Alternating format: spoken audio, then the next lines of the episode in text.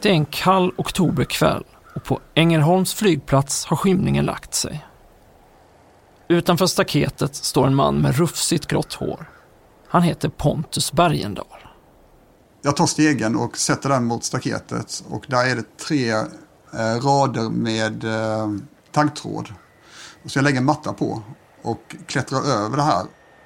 Tidigare den här dagen har aktivister från rörelsen Extinction Rebellion dykt upp på sju andra svenska flygplatser. De har ställt sig i vägen för plan eller limmat fast sig vid landningsbanor. Pontus ska göra samma sak, är tanken. Man skulle kunna tro att han är ivrig och hög på adrenalin när han klättrar över staketet. Men Pontus tycker inte om att göra aktioner. Det ger honom bara ont i magen. Jag går över staketet och eh, är jättenervös. Så att jag missar mattan och det lägger sig snett och stegen sjunker ner i marken. Så det blir alldeles snett och sen så får jag nästan lite panik, jag måste över. Så att jag eh, kastar mig över. Med nöden näppe klarar jag att inte riva sönder mig och eh, skada mig. Och på andra sidan var det två decimeter vatten på hela den här gräsplätten in mot landningsbanan. Så jag klafsade i vattnet och har blivit lerig. Smutsig och blöt tar sig Pontus fram till landningsbanan. Han sätter sig ner och håller upp en skylt. Det står “Vi måste välja, flyget eller livet”. Då kommer två poliser ut med dragna vapen som eh, siktar på mig. Jag släpper skylten och håller upp händerna för att de ska se att jag inte har någonting i mina händer. Och då kastar de sig på mig, brottar ner mig och eh, handfängslar mig. Eh, och det var Pontus Bergendahl och det gäller då utgångspunkten skadegörelse. Ett år senare sitter Pontus i en rättssal och blir förhörd om natten på flygfältet. Trodde du att du fick vara där inne? Nej. Eller nej. Eh, nej. Okej. Okay. Så vad var liksom målet med din, din handling? Vad hoppades du på att uppnå? Fram till nyligen var Pontus en rätt typisk man i 50-årsåldern. Med fru, tre döttrar och ett mellanchefsjobb i IT-branschen. Men engagemanget som klimataktivist har förändrat allt. Idag har han ingen inkomst. Han har blivit en mer frånvarande make och pappa. Han har fått dödshot. Och nu, nu riskerar han fängelse. 2018 så insåg jag vidden av eh, klimatkatastrofen. Effekterna är så stora som ett globalt kärnvapenkrig. Och det här är inte ett framtidsscenario. Utan det som sker med klimatförändringarna, det sker nu. Det hotar alla människors liv på denna planet. Vi måste göra något åt det här. Och det är, det är anledningen till att jag agerar. Jag heter Adam Svanell och det här är Blända. En dokumentärpodd från Svenska Dagbladet.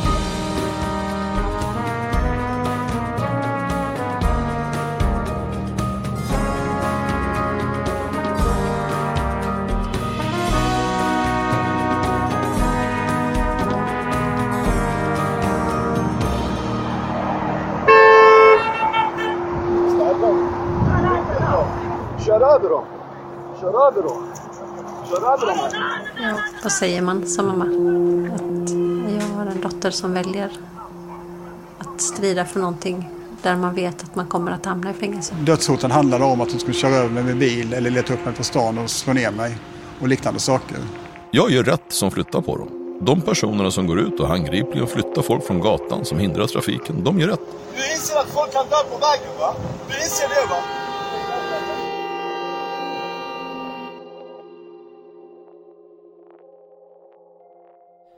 Klimataktivister väcker starka känslor. Många blir skitförbannade på dem. Andra kanske mer himlar med ögonen åt dem och deras metoder. Du vet som han som limmade fast sig i en direktsänd tv-debatt. Det är någon som jag tror ska limma fast sig på golvet här. De där som ställde sig ovanpå tunnelbanetåg i London.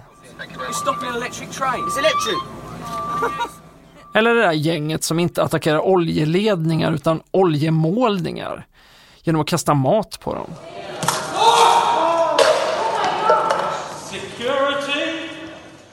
Och nej, det andas kanske inte riktigt samma värdighet som Rosa Parks vägran att lämna sin plats i bussen eller Mahatma Gandhis 40 mila vandring för att få tag på salt. Men medan vissa flinar eller fnyser åt aktivisterna så fortsätter ju koldioxidutsläppen att öka. I en artikel hos oss i Svenska Dagbladet sa flera klimatforskare nyligen att 1,5-gradersmålet är helt orealistiskt. Ändå har vi nyss haft en valrörelse där politikerna knappt pratade klimat. Och varför skulle de? När vi väljare rankade våra viktigaste valfrågor, då sa vi kriminaliteten och vården, inte klimathotet. Tänk om aktivisterna har rätt i att vi behöver skakas om. I det här avsnittet av Blenda följer vår reporter Daniel Persson Mora två klimataktivister. De heter Pontus och Tina och som ni kommer få höra så utstår de mycket för sitt engagemangs skull. Det är en tidig morgon i april. Solen är på väg upp men det är fortfarande kallt i luften. Det kommer ånga ur munnen på de som står här bakom Kungliga biblioteket i Humlegården. Klimataktivisterna Extinction Rebellions aktionsvecka Fossilupproret inleds idag. Än så länge står banderollerna ihoprullade och lutade mot träden. Men om bara någon timme ska de tas ut på Stockholms gator. Den här veckan kommer vi i Extinction Rebellion eh, fylla Stockholms gator. Vi kommer att ge oss ut gång på gång för att vi vet att vi, vi måste ta plats på gatorna för ingenting av det som har gjorts hittills har varit tillräckligt. Jag glömde Så eftersom jag är småbarnsförälder så är det här något som går att göra utan att eh, ens liv blir helt eh, saboterat. Så då är det liksom en lagom nivå tycker jag. Um, att eh, sätta sig i vägen ibland. Det är min sinne. Jag håller på med sista slutfinishen på en eh, nordisk rätval som vi har byggt på i veckor. En banderoll kan informera om man vill vara precis men det berör ju liksom inte på samma sätt som, eh, som just konsten. Det är ju ett av våra, eller ja, Extinctions Rebellions sätt att kommunicera utåt på. Att sjunga istället för att skandera och att ha konstverk med sig som, eh, som kan beröra på ett helt annat plan.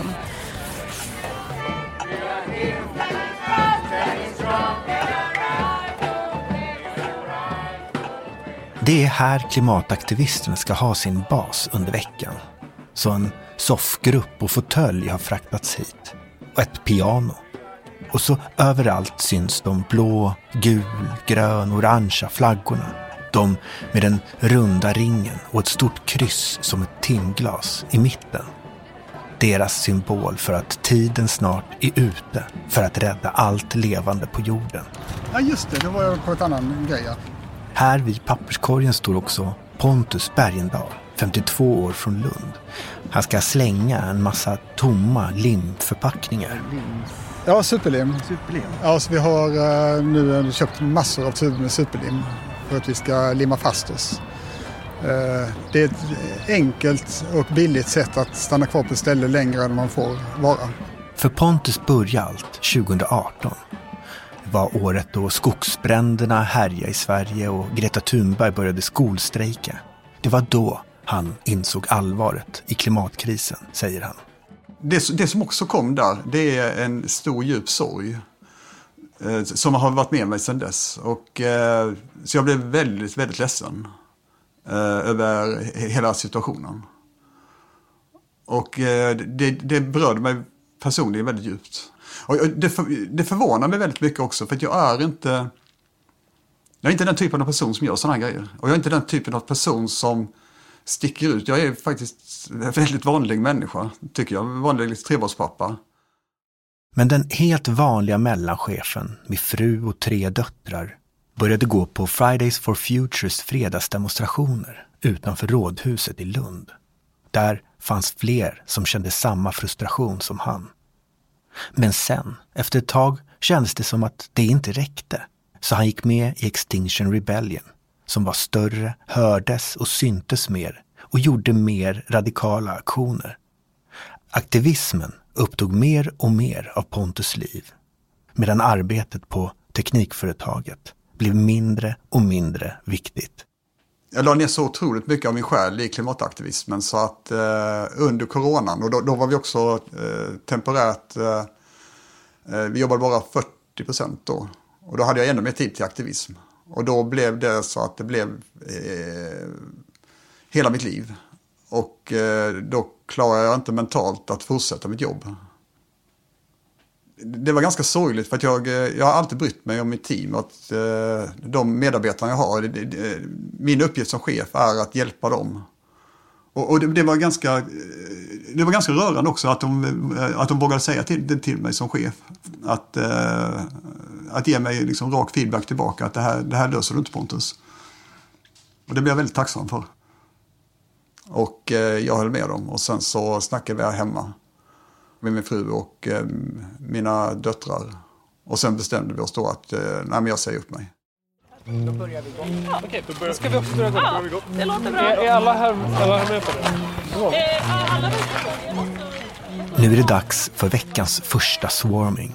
Det är den internationella benämningen på en mindre vägblockad. Pontus går till den grupp han tillhör, hans vängrupp. En gång höll han på att förfrysa vid en aktion i Berlin. Så sedan dess klär han sig varmt. Han har på sig den tjocka islandströjan som hans fru Gunilla stickat till honom. Och så en ljusblå munktröja över den. De rör sig ner mot korsningen vid Stureplan. Banderollerna är med och flaggorna är höjda mot skyn. Eh, nu ska vi gå upp till eh, korsningen och eh, i princip när det är grönt för gående så går vi ut eh, och ställer oss med banderollerna och stoppar trafiken. Och eh, så, så står vi kvar där. Extinction Rebellion grundades i Storbritannien 2018 men är idag en internationell rörelse. Målet är att genom fredlig civil olydnad påverka regeringar och agera på det man kallar klimatnödläge. Rörelsens metoder innefattar gatuteater, sånger, husockupationer och inte minst det de är på väg att göra nu, vägblockader. Många i den här vängruppen gör sin debut som aktivister. Det är ett helt gäng som kommer från en folkhögskola i Växjö. Pontus däremot är numera en av de mest erfarna. Men ändå ser han sammanbiten ut. Det slår aldrig fel. Jag har en klump i magen varje gång innan jag gör en aktion. Och jag, jag har ont i magen nu. Och, men jag gör det för att jag måste. Jag brukar säga så att eh, det finns två saker som vi behöver just nu och det är beslutsamhet och mod. Och beslutsamhet det är när man inser hur illa det är. Alltså du bestämmer dig för att jag måste agera på det här. Och mod, det är någonting man kan öva sig till. Ungefär som man övar sig till att vara, inte vara rädd för höjder och liknande. Sakta men säkert pusha sina bekvämlighetszoner.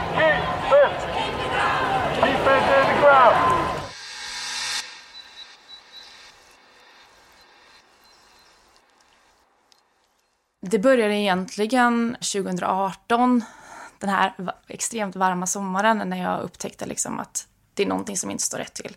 Eh, det är klart att jag hade hört om, om, om klimatkrisen och att ja, men det är någonting som pågår, men jag hade liksom inte riktigt förstått vad, vad det, det var. Så där någonstans väcktes eh, någonting mer. Sen dröjde det hela vägen till, till slutet av 2019. Eh, då fick jag se på Facebook ett evenemang där det skulle pratas om klimatkatastrofen eh, och jag tänkte så här, dit ska jag gå. Det är Extinction Rebellion som arrangerar kvällen och när den är slut har de värvat en ny aktivist. Tina, som inte vill att jag uppger hennes efternamn, säger upp sig från jobbet som lärare på en förskoleklass och flyttar ner till Malmö. In till ett kollektiv där en aktivistkompis bor. Hon börjar ägna all sin vakna tid åt rörelsen men efterhand blir hon frustrerad. Att det inte var tillräckligt. Ehm, Extinction Rebellion hade då liksom varit aktiv i, i nästan fyra år. Eh, fyra år av aktivism, av människor som verkligen försöker, eh, av extremt mycket arbete, hårt arbete eh, för att mobilisera, för att skapa en opinion. Eh, men det har inte hänt någonting. Så Tina ser sig om efter något annat. Flera av hennes vänner har gått över till Återställ våtmarker. En rörelse som egentligen har samma övergripande mål om att minska mänsklighetens negativa miljöpåverkan. Men huvudbudskapet till politikerna är att snabbt återväta torrlagda våtmarker för att få stopp på torvens oupphörliga koldioxidutsläpp. Istället för blockader på mindre gator som Extinction Rebellion gör sätter sig Återställ våtmarker på motorvägar. Tina känner sig tveksam. Jag ville inte, för jag var livrädd. Så jag sköt på det och hittade massvis med anledningar till att, till att inte vara med. Eh, och det handlade om att jag var på riktigt rädd för att jag skulle dö. Men medvetenheten om liksom hur, hur kort eh, tid vi har på oss. Alltså, eh, IPCC säger ju att vi har två till tre år på, på oss att eh, drastiskt minska våra utsläpp. Och jag hade liksom inget annat val. Men jag, jag, var, jag, var, jag var rädd, jätterädd för att jag skulle skada mig eller för att jag skulle, skulle dö. Eh, jag var jätterädd att, att någon skulle eh, tappa det. Eh, en bilist skulle tappa det och eh, köra över mig. Mig själv eller någon av eh, de andra. Jag litar inte på bilister. Ehm, och det handlar också om en rädsla för vad, vad, an, vad, liksom, vad mamma skulle, hur mamma skulle reagera eller mormor skulle reagera eh, utifrån ja, men just, just den här rädslan och oron för att jag skulle skada mig. Eh, jag vet inte, så här...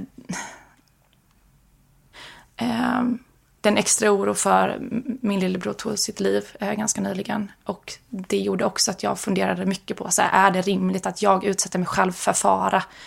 När de redan har förlorat en i familjen.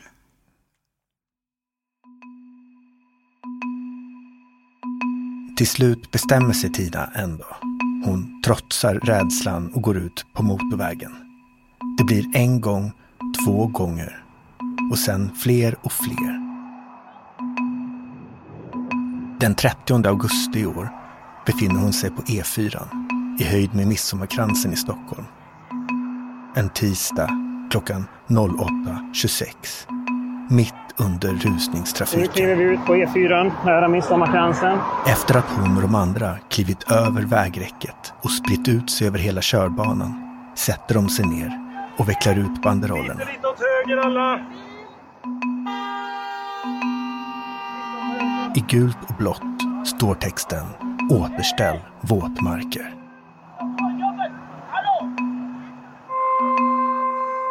Det är flera bilister som delvis eh, kommer fram och, och, skriker på oss. Eh, det är en som går runt och, och spottar på, på, oss alla eller precis bredvid. Jag hoppas det här känns bra. Jag hoppas det här känns bra. Känns det bra? Känns det här bra?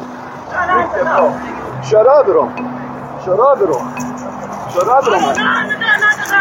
Det är flera stycken som, som släpar undan oss till sidan. Eh, någon gör det en gång och någon gör det flera gånger. Eh, det är någon som eh, plockar av glasögon på, på folk. Jag, jag, känner mig ändå ganska lugn. Jag känner mig trygg i den situationen. Jag har gjort det här, jag har gjort det här många gånger förut. Jag vet hur jag ska agera i den, i den situationen när någon blir förbannad. Om jag kommer och sparkar dig i huvudet, tror du det händer någonting? Är det så man pratar med varandra? Nej, sitt här, förstör folks liv. Jag försöker att, att hålla trafiken ståendes och det gör den. Den stannar där fram tills att polisen kommer. Då allihopa, det här är en ordningshållande befallning. Jag vill att ni lämnar platsen och sätter er på gräsmattan där, annars kommer ni begå ett brott. Vill att ni flyttar er på en gång. Ni får 10 sekunder på er att göra det. Ha en trevlig dag. Och... Eh... Bra! Ni är nu gripna för brott mot blåljussabotagen och kommer transporteras av polispersonal av vägen. Och sen så får vi då åka med in till olika polisstationer och därmed då är vi gripna. Jag började ju ganska men i, i liten skala och sen har jag ganska snabbt trappat upp och eh, eh, det har blivit mer och mer tydligt utifrån hur eh, så kallat i andras ögon radikal jag har blivit. Och det har ju påverkat men, mamma och syskonen och mormor och, och, flera vänner som upplever att jag tar det alldeles för långt, att jag gör, gör det onödiga. Och jag tror att Jag tror att det handlar om en, en stor oro och att den oron då bottnar i delvis två saker. Ja, men delvis att det finns en okunskap kring sociala rörelser och hur det har liksom fungerat historiskt och då resultaten av, av de här rörelserna. Eh, men också i, men i en oro kring så att, att jag kommer att skada mig eller kanske till och med dö. Att hon faktiskt eh, förlorar ett barn till. Det var fyra dagar före jul år 2020 som Tinas lillebror tog sitt liv. De stod varandra nära. Och Tina saknar honom och relationen de hade. Han hade kanske förstått hur Tina valt att leva sitt liv. Idag tror hon. Att han hade stöttat mig, att han hade liksom förstått eh, varför jag gör det, även om han kanske inte heller hade hållit med helt och hållet. Ehm, men vi kunde i alla fall prata om det, till skillnad mot vad jag kan göra med mina andra småsyskon. Ehm, så någonstans hade jag kanske kunnat få föra fram mitt budskap och eh, mina argument till varför jag väljer att fortsätta. Och det saknar jag ju såklart. Saknar honom jättemycket. Mina två småsystrar, en är ju eh, 16 och den andra är 22. Vi, vi pratar knappt med varandra längre. Eh, min ena syster då, som, hon som är 22, hon, hon har uttryckt att hon inte vill prata med mig. Och vi träffas ju inte överhuvudtaget längre och när vi väl råkar mötas eh, hemma hos mamma på något kalas så byter vi inga ord. Min yngre syster, vi, hon, hon väljer också att eh, gå undan när jag är i, är i rummet. Eh. det gör mig väldigt ledsen. Under fossilupproret i Stockholm deltar Pontus i fem vägblockader och en ockupation av Bromma flygplats. Sen kommer sommaren och en till aktionsvecka i Göteborg och ytterligare en i Stockholm. För Pontus finns det ingen tid för paus så länge klimatkrisen pågår. När han är hemma i Lund jobbar han med mobilisering och strategiarbete eller så planerar han för nya aktioner. Så vad säger hans fru Gunilla om att leva ihop med någon som vikt sitt liv åt aktivism? I en relation så måste man på något vis låta folk följa sina passioner. Så det har, det har varit lite en oundviklig väg. Sen så finns ju dels den här orosbiten. Det är ju inte ofarligt att hålla på med aktivism. Och det är ett svårt jobb för att man kan alltid göra mer. Det, är inte så att han jobbar 8 till 5, utan man kan alltid göra mer. Så att hitta den balansen i familjen där man får, okej okay, här är aktivismen, men vi måste också ha ett normalt liv. Där eh, vi gör vanliga familjegrejer och umgås med våra gamla vänner från innan den här aktivisttiden och så vidare. Barnen måste få hjälp med läxor om de behöver det. Sen så tänkte jag på en, en sak. Nu tänker man så här, ja, för, för vi har ju bara en lön nu. Så det påverkar också lite... Eh, jag känner ju ett mer ansvar för... Och, lite mer liksom inlåst i mitt jobb. Men sen så tänkte jag på det att i och med att vi har gått den här vägen nu så öppnar det också upp för det finns alternativa sätt att leva. Så det tycker jag också har, aktivismen har gett oss väldigt mycket av liksom det. Saknar du den tidigare Pontus? Eh, det som jag saknar är väl att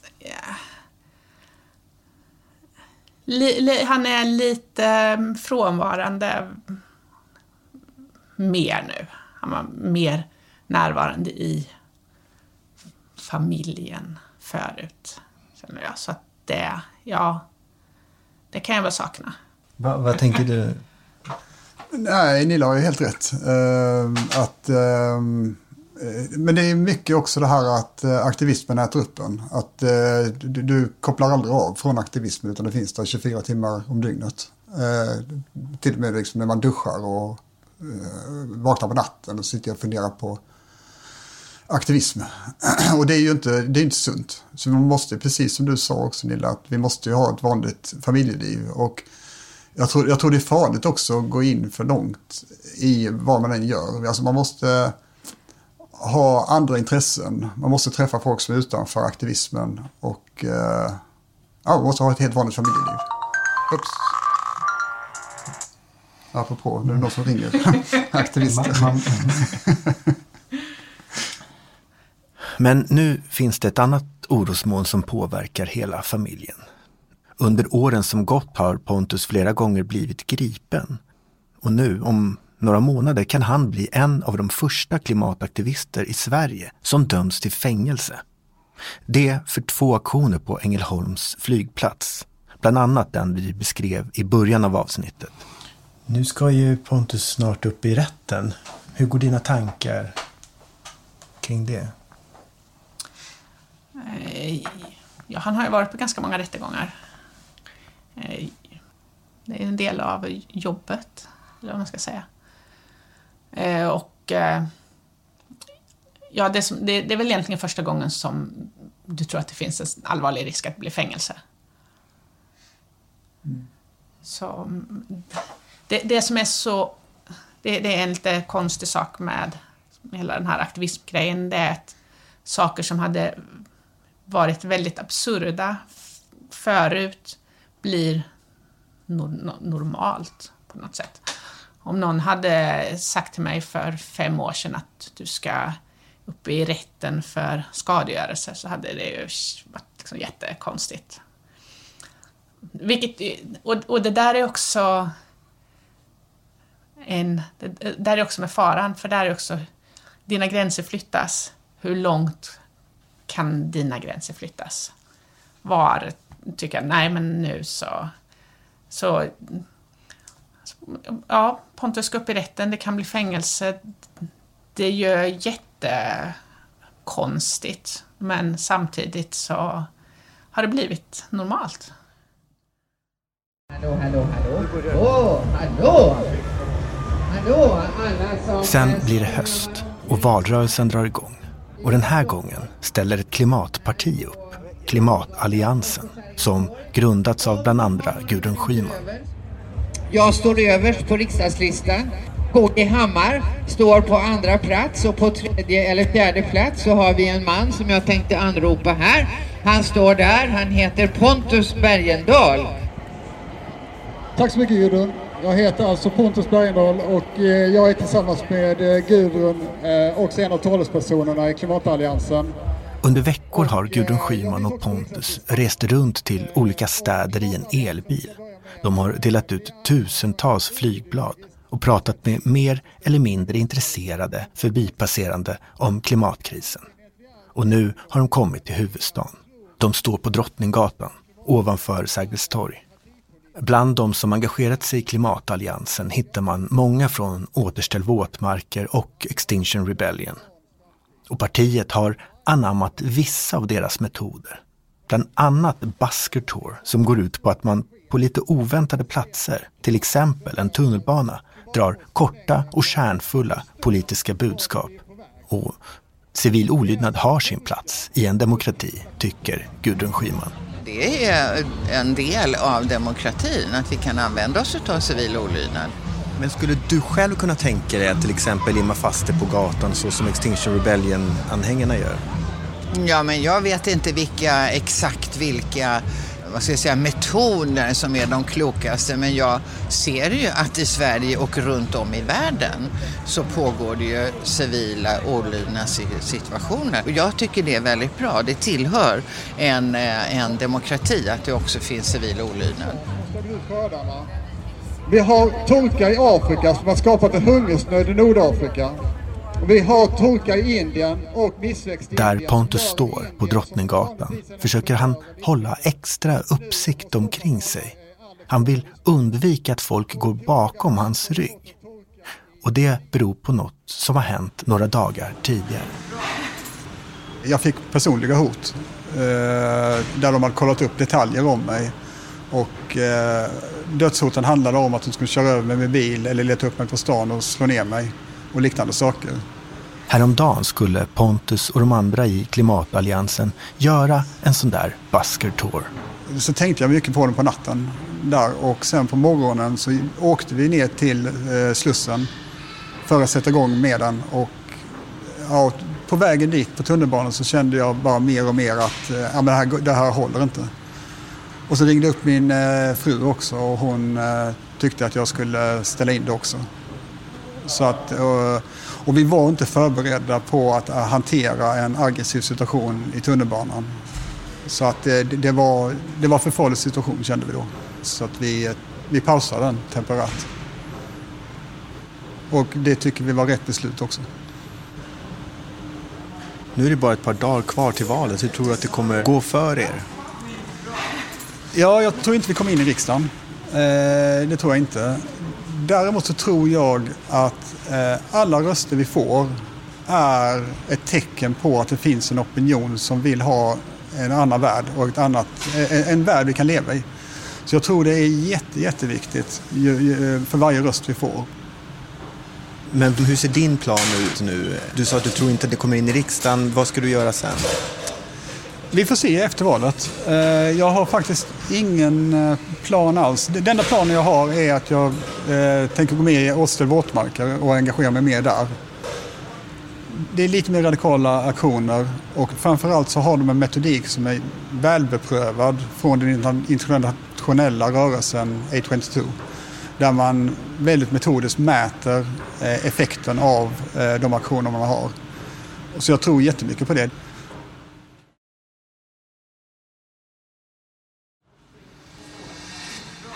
På Svenska Dagbladets redaktion pratar jag och Adam, min redaktör, om vad som händer med Pontus och Tina. Så Pontus går också in i Återställ våtmarker. Det verkar liksom som att både han och Tina gradvis radikaliseras här under berättelsens gång. Ja, så är det verkligen. Och det säger de till och med själva. Ju längre de håller på med sin aktivism, desto mer känner de att det de gör liksom inte räcker. De måste hela tiden gå lite längre. Och det är faktiskt ett välkänt mönster inom klimataktivism över hela världen. Aktionerna går ju ut på att få uppmärksamhet, men för att fortsätta få den uppmärksamheten så måste man hela tiden ta till lite mer uppseendeväckande metoder. Jag fattar, så det är därför det börjar med att man sittstrejkar på någon liten gata och så slutar det med att man står och kastar potatismos på en monettavla. Precis. Och just de där aktionerna på tavlor har inte kommit till Sverige än, men enligt mina källor så kan det mycket väl hända snart. Ja, Okej. Okay. Men det jag funderar över är, funkar den här strategin? Alltså leder det till det som de vill att det ska? Ja, det kan man ju fråga sig. Aktionerna blir ju jätteuppmärksammade och de får upp klimatfrågan på agendan. Det har ju aldrig skrivits så mycket om klimataktivister som nu. Och självklart kan ju det påverka makthavare och väljare och få dem att ta till sig budskapet. Men å andra sidan finns det ju också en risk att det får en rakt motsatt effekt. Hur menar du då? Eh, Dana Fisher som är en amerikansk sociolog som forskar på proteströrelser, hon menar att sådana här metoder kan bli kontraproduktiva. Alltså att, att folk som från början sympatiserar med klimatrörelsen kan vända sig mot den. Om de inte gillar att man hindrar folk från att komma till jobbet i tid. Eller att man häller mat på kända konstverk. Okej, okay, så istället för att folk liksom inser vidden av klimathotet så inser de att de bara hatar klimataktivister? Ja, lite så. Och i Sverige händer något med debatten under våren och sommaren 2022. Inte minst en ambulans blir försenad till Nya Karolinska på grund av en blockad. Kritiken hårdnar. Politiker twittrar om strängare straff och på ledarsidor likställs aktivister med terrorister. Själva säger aktivisterna jag pratat med att de även märker en ökad hårdhet från polisen att de inte tillåts sitta kvar på gatan lika länge som förr och att de nu ofta åtalas för sabotage och inte det lite mildare ohörsamhet mot ordningsmakt som de menar var vanligare förr. En som fastnar på grund av återställd våtmarkers blockad en morgon på Centralbron i Stockholm och som blir riktigt förbannad är den förre socialdemokratiske riksdagsledamoten och dokusåpakändisen Jan Emanuel. Ja, jag var på väg att skjutsa min son till skolan och eh, trafiken stannade och jag tänkte att det var en olycka. Tittade ut för att se om det kanske man kan hjälpa till med någonting eller om, vad som händer där framme. Och ser att det är ju inte alls en olycka utan det är några som sitter på vägen och stoppar trafiken på ett sätt så att det med en fullständig omöjlighet skulle kunna ta sig fram blåljusutryckning. Och jag tyckte väl att det var en ganska dålig idé att sitta där. Så där och då bestämmer sig Jan Emanuel för att ta lagen i egna händer. Jag kände väl att jag hjälper även dem om jag bara ser till att flytta på dem och så gjorde jag det.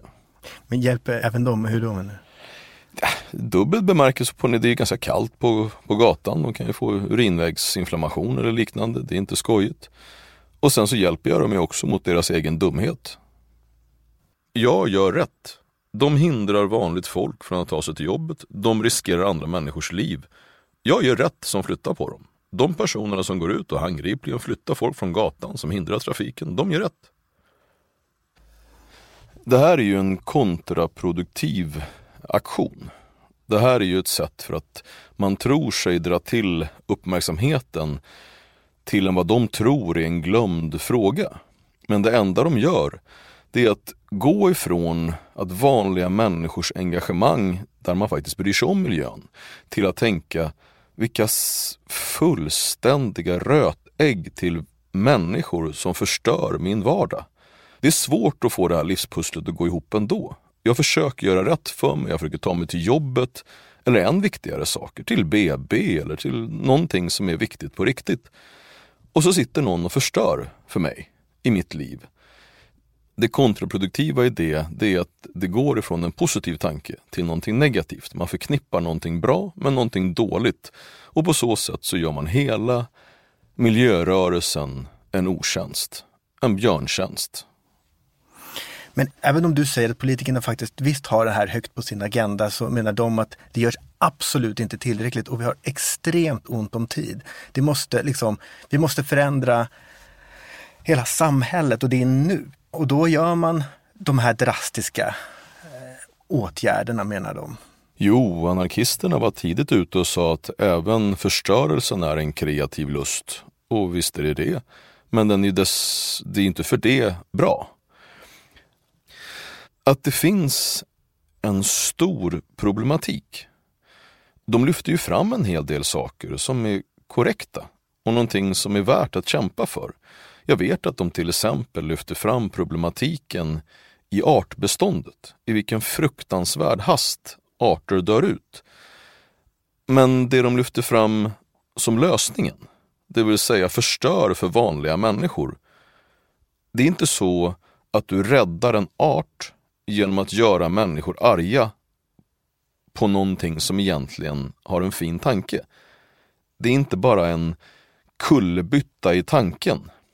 Det är inte ens att tänka fel eller konstigt, utan det är att tänka korkat. Och det är supertråkigt.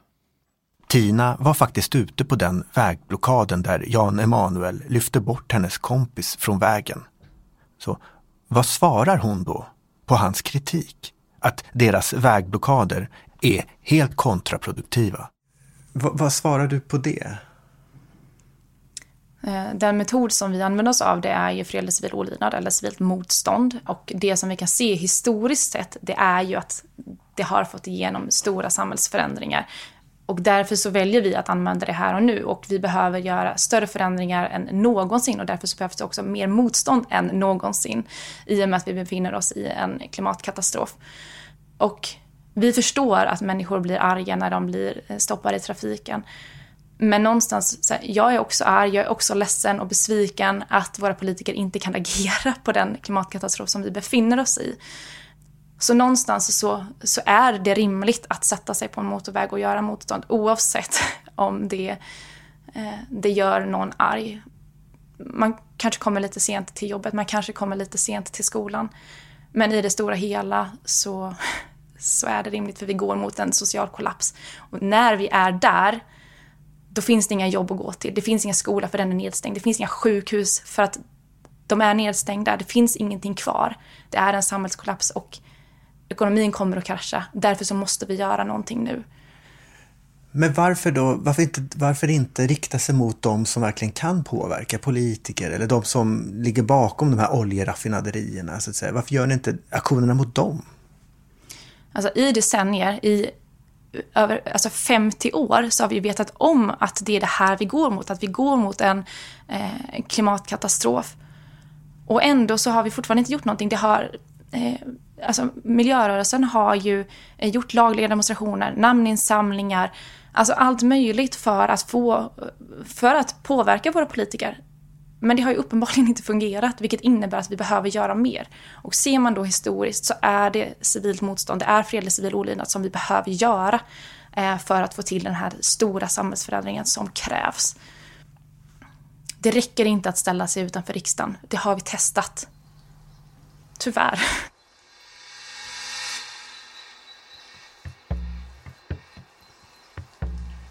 När rösterna i riksdagsvalet räknats har Klimatalliansen fått 1702 röster. För att komma in i riksdagen skulle det ha krävts 259 119 röster. Alltså 152 gånger så många. Tina har nu åkt till en kolonilott vid Askimbadet i Göteborg. Hon får låna den av en kompis. En sorts 30-årspresent för att tillbringa tid i ensamhet och lugn. Och lugnt är det verkligen. Kallt också. Och blåsigt. Och inte en människa ute. Ja, utom några modiga surfare ute på havet som fångar vågor på sina kitesurfingbrädor. Tinas mamma Mikaela passerar Göteborg med bilen och passar på att hälsa på.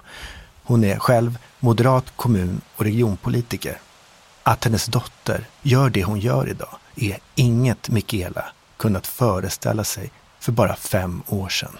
Jag respekterar ju det hon gör. Alltså det här är min dotter. Eh, jag älskar henne över allt annat i hela världen.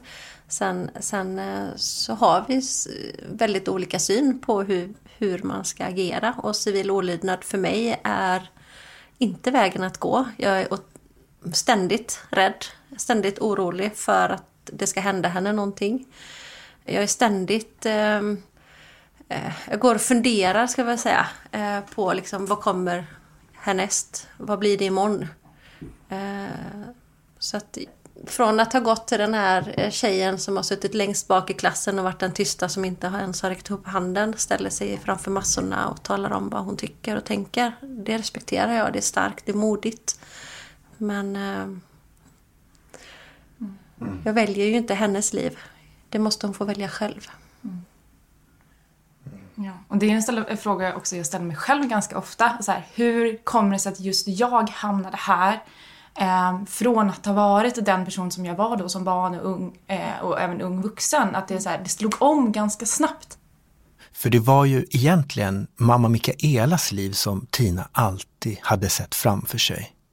Framtidsdrömmen hon hade då var en stuga i skogen med egen trädgårdsodling, bärplockning på sommaren och svampar på hösten. Möjligen en eller två katter som sällskap. Men framför allt, det Tina hade börjat se fram emot mest var då hon skulle få barn. Alltså du var ju redan som 13-14-åring hade du bestämt vad din dotter skulle heta. Mm. Så jag menar, vi har ju gått och väntat på, på den här lilla Auroran. Det var bestämt sedan lång tid tillbaka. Eh, och bara för några år sedan så eftersom du inte då heller har liksom varit i en relation på, ja, på ett tag ändå som du har känt att den här relationen vill jag skaffa barn med. Så har du ändå, bestämde du dig någonstans att nej men jag gör det på egen hand. Och, och gick hela den vägen. Eh, och kommit liksom fram till mål mer eller mindre. Och nu när du är så nära så vet du så känner du att du inte vågar skaffa barn. Mm. så det, och det, det, det gör ont. Det gör ont i, i mormor och mamma-hjärtat. Så är det ju. Ja. Jag står ju fortfarande i kö eh, för spermiedonation då. Så jag har inte gått ur den, men jag vet ju också att det är otroligt långa köer så att vi får väl se den dagen jag kommer fram. Men och då kan jag ju ta ett beslut. Men jag känner att jag behöver nog för min egen skull också ta ett beslut ganska snart för att veta hur jag ska tänka och hur jag ska planera mitt liv framöver. Också då i relation till aktivismen. Eh, just på grund av konsekvenser som fängelse så behöver jag ha det i beaktande hela tiden. Mm. Wow. Det är en månad kvar till Pontus rättegång. Nu är han åter i sin bas, sitt hem, sin trygghet. Han sitter vid köksbordet och har skjutit ifrån sig datorn. Gunilla kom alldeles nyligen hem från sitt jobb. Hon sätter sig på en stol och förklarar hur det funkar när familjen bara har en lön att leva på. Det går bra när de dragit in på onödiga utgifter som klädinköp och sånt. Och nu när döttrarna börjar bli vuxna och i stort sett klara sig själva. Men det är klart, vissa orosmoment finns. Pontus har ingen inkomst just nu, men det påverkar inte bara nu, utan det påverkar ju liksom hela... Vad får han för pension? Vad händer om han blir sjuk? Så att det, eh, det är ju allt det där med att vara utanför det sociala skyddsnätet som man blir när man inte jobbar. Men eh, ja, jag klarar oss. Men hur länge kommer du eh, orka dra det där lasset? Ja, vi pratar om det då och då. Eh, först sa vi ett år. Sen sa vi efter valet. Mm. Nu så säger vi efter eh, den rättegången så att vi vet vad det blir för konsekvenser av det, så ska vi ta upp den diskussionen. För ja, jag har sagt till Pontus, jag kommer inte få köra er resten av livet. Utan någon gång så måste... Men det, är, det, det finns ju inget slut på att alltså klimatkrisen kommer inte att lösa sig, så det är ju jättesvårt att säga att ja, men nu måste du sluta och engagera dig i det här. Det hade varit mycket lättare om du hade sagt, ja men nu ska jag ta ett år för att hitta mig själv. Då hade man kunnat säga, äh, nu, fan, nu får du ha hittat dig. för, det, för det är ju inte så, utan han gör det inte för sin egen skull. Lite för din egen skull såklart, men det är ju inte det som är målet. Utan det är ju att försöka att vända på en skuta som håller på att gå i sank. Tisdagen den 19 oktober är det rättegång i Helsingborgs tingsrätt. Pontus förhörs om de två ockupationerna av Ängelholms flygplats. Det, nu kommer jag snart att stoppa dig. Så du Men det här, det, här är viktigt, det här är viktigt för nödrätten. Mm. För det, det är det jag agerar på. För det viktiga här vi känner till. Det är det jag vill höra. Säga mm. dina bevekelsegrunder, varför du gjorde det, Just det. och så vidare. Men då kan vi få fram, du får försöka begränsa det. Precis, då kan du, har, du har lite utrymme kvar. Ja. Mm. Då går jag in på varför gjorde jag den här handlingen? Då kan man fråga sig varför gick jag inte och demonstrerade? Varför gick jag inte och eh, startade ett solcellsföretag och liknande? Då kan jag säga så att eh, jag... Även Tina ska upp i rätten, förmodligen till våren. Efter vägblockaden vid Midsommarkransen greps hon av polis och fick sitta frihetsberövad i 16 dagar. Det innebar också att hon fick fira sin 30-årsdag i häktet. Jag vet att jag kommer att hamna i fängelse en dag. Jag vet bara inte när och jag vet inte exakt vad det är som kommer att leda till det. Ja, vad säger man som mamma? Att jag har en dotter som väljer att strida för någonting där man vet att man kommer att hamna i fängelse. Det är tufft. Det, det är fruktansvärt. Det var väl det sista jag skulle kunna tänka mig. Eh, att jag skulle behöva besöka Tina i ett fängelse. Den här fantastiskt duktiga, rediga tjejen som alltid har varit ordning och reda på. Och det är det fortfarande. Ordning och reda. Eh, otroligt kompetent och, och smart. Eh, nej, och det man ska göra det man, det man vill. Så är det ju. Mm. Men det är också så här. Jag vill inte göra det här. Jag tycker inte att det här är kul. Jag gör det inte för att jag brinner för klimatet. Jag gör det för att jag måste och för att vi inte ska ha en brinnande planet.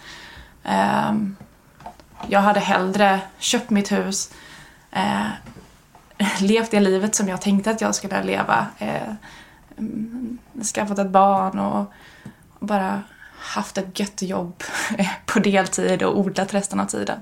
Alltså det hade jag hellre gjort än det här. Det här är fruktansvärt. Alltså på riktigt, jag utsätter mig, utsätter mig själv varje gång för livsfara. Det är ingenting man gör för att det är kul. Så jag, nej. Ehm, jag vill inte göra det här. I radhuset i Lund sitter Pontus och hostar. Han har varit sjuk ända sedan valet. Trötthetsringarna runt ögonen har bara blivit större. Han har sovit oroligt och tänkt på hur han skulle klara av fängelse. Och om det kommer bli så, eller om han får en villkorlig dom. Idag ska han få veta.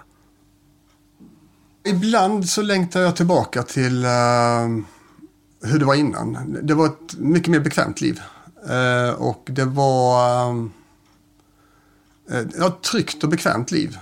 Nu är det så mycket osäkerhet. Både ekonomisk osäkerhet, social osäkerhet och um, osäkerhet på massa olika sätt. Eh, ja, eh, inte minst en säkerhetsmässig osäkerhet finns det också för min, både mitt liv och min hälsa. Eh, och och uh, den, den är ju jättejobbig.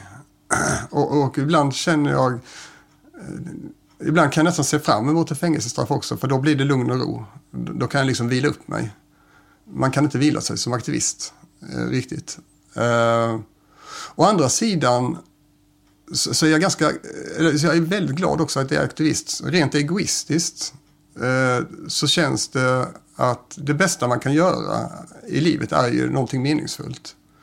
Och det är ju egentligen viktigare än lycka och bekvämlighet. Så att det är, det är dubbelt det där. Och alla de här uppoffringar som du har gjort, om vi ser tillbaks på allt och att du nu snart kanske kommer att få en fängelsedom. Vi får se om någon timma. Är det värt det? Än så länge är det värt det. Eh, absolut, och, och, jag ser inget annat alternativ.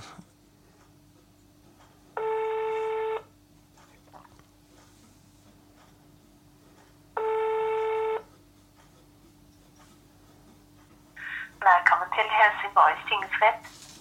Ja, hejsan. Pontus Bergendahl heter jag. Jag skulle vilja reda på domen i ett mål, om det går bra. Ja. Har du målnummer? Ja, B42-21 skadegörelse med mera. Yes. Pontus Bergendahl. Eh, brott som Pontus döms för. Obehörigt tillträde till skyddsobjekt, egenmäktigt förfarande och skadegörelse. Påföljd. Fängelse två månader.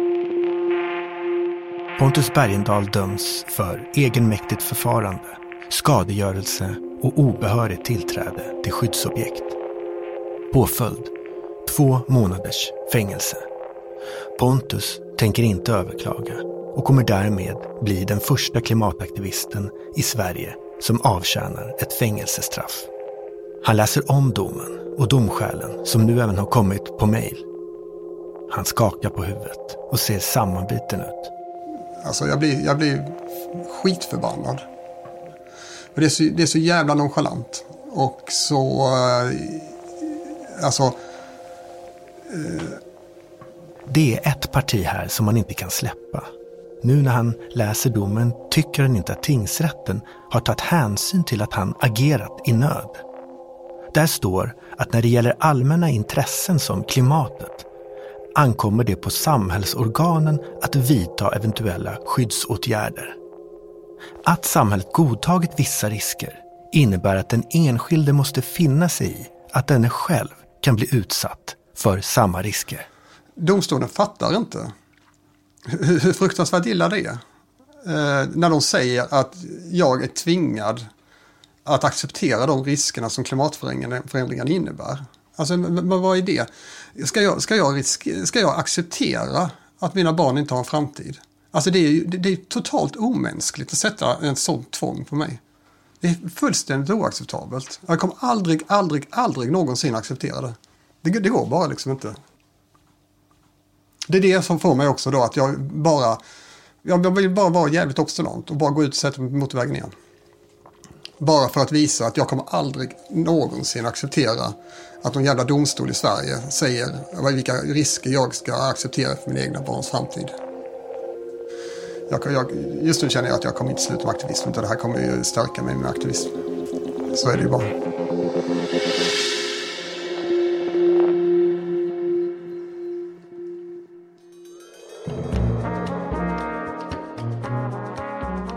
Du har lyssnat på Blenda podden där Svenska Dagbladets journalister berättar dokumentära historier.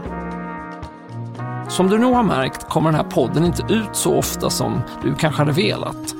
Och det beror bland annat på att vi i redaktionen just nu jobbar för fullt med en annan poddserie. Dynastin heter den. Och den släpps, ja, rätt snart. Men under nästa år lovar jag att vi ska försöka ha en lite tätare utgivningstakt för Blenda. I det här avsnittet var Daniel Persson Mora både producent och reporter. Det är också han som har klippt podden. Ledmotivet är skrivet och framfört av Martin Hedros. Övrig musik är från Epidemic Sound.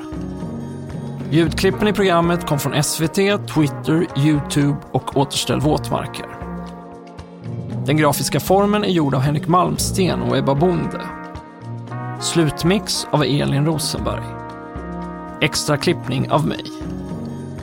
Ansvarig utgivare är Anna Kareborg. Programformatet Blenda är framtaget i samarbete med produktionsbolaget Banda. Och jag heter Adam Svanell.